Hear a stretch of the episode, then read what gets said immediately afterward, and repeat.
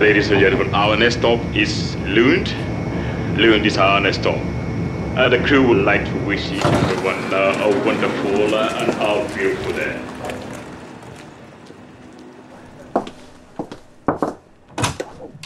Hallå, hallå. Hej Pernilla. Hej Lena. Så. Lena Wahlberg, jurist, forskare i rättsfilosofi och medicinsk rätt. Inom ramen för det här forskningsprogrammet så kommer jag att fokusera på vad begreppet vetenskap och beprövad erfarenhet betyder i juridiken.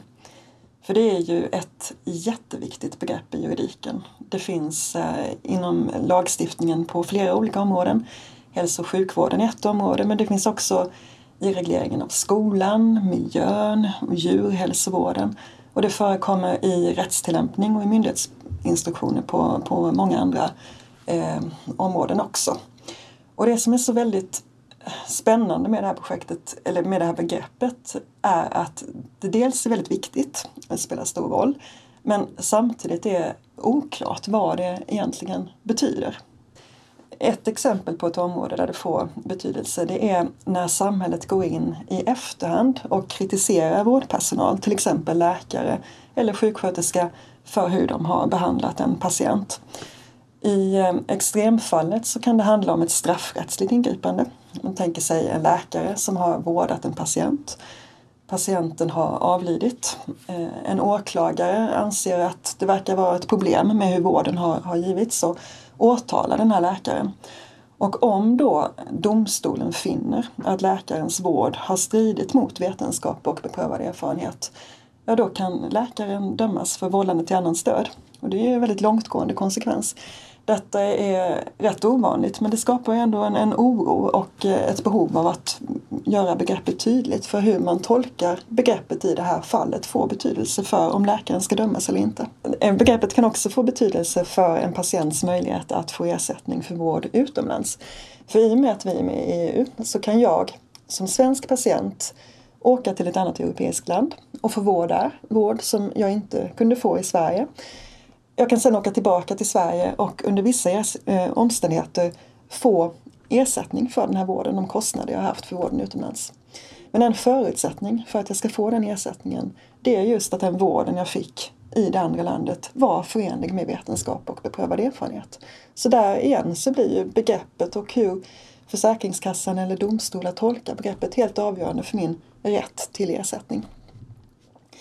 Så begreppet är viktigt och det får konsekvenser för vilka rättigheter och vilka skyldigheter enskilda individer har. Men det är oklart. Och det är ju inte så himla konstigt att det är oklart egentligen. För om man tittar på delbegreppen då, vad är vetenskap för någonting? Det har ju filosofer ägnat väldigt mycket tid åt att försöka definiera och det har varit väldigt svårt att hitta en fungerande definition. Och beprövad erfarenhet eh, är säkert inte enklare, även om det inte har skrivits så mycket om det. Men den här oklarheten är ett problem. I juridiken så vill vi ju att lagen ska vara klar och tydlig. Det är en, en, ett grundläggande krav på lagen.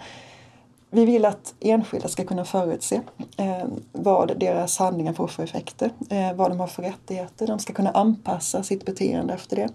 Och vi vill inte heller att det ska finnas för mycket utrymme att tolka lagen för den enskilda domaren. För att om det gör det så finns det en risk för godtycke. Det finns en risk för att lagen inte tillämpas på ett konsekvent sätt eller på ett, ett riktigt sätt. Det skapar en, en rättsosäkerhet där det inte längre är reglerna som bestämmer utan det är tillämpningen i det enskilda fallet som avgör.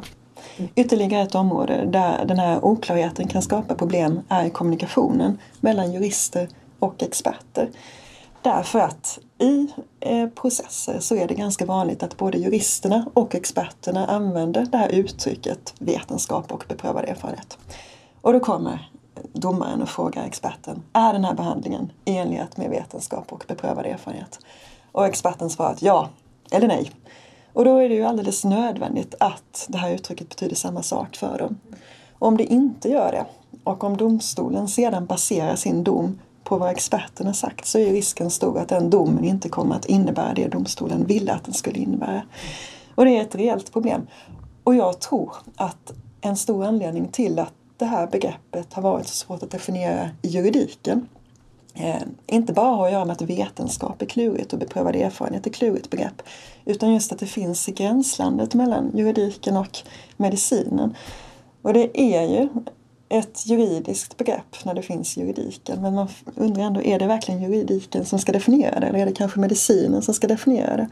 Och från juridikens sida så har det funnits en, en eh, liten rädsla tror jag för att klampa in och definiera det här begreppet på ett sätt som avviker från vad som uppfattas som, som rimligt i en medicinsk kontext. Och det tror jag är en del av problemet men jag blir samtidigt övertygad om att det är helt nödvändigt att man verkligen klargör innebörden av det här om man vill ha en meningsfull tillämpning av det här begreppet. Och det är det som är min förhoppning med det här projektet och den juridiska delen av projektet. Att vi ska kunna bidra till att klargöra vad det här begreppet egentligen innebär och hur, hur det bör fungera i juridiken och i kommunikationen mellan jurister och experter. Så den, det övergripande syftet eh, med projektet för min del är att, att eh, skapa en bättre rätt på det här området.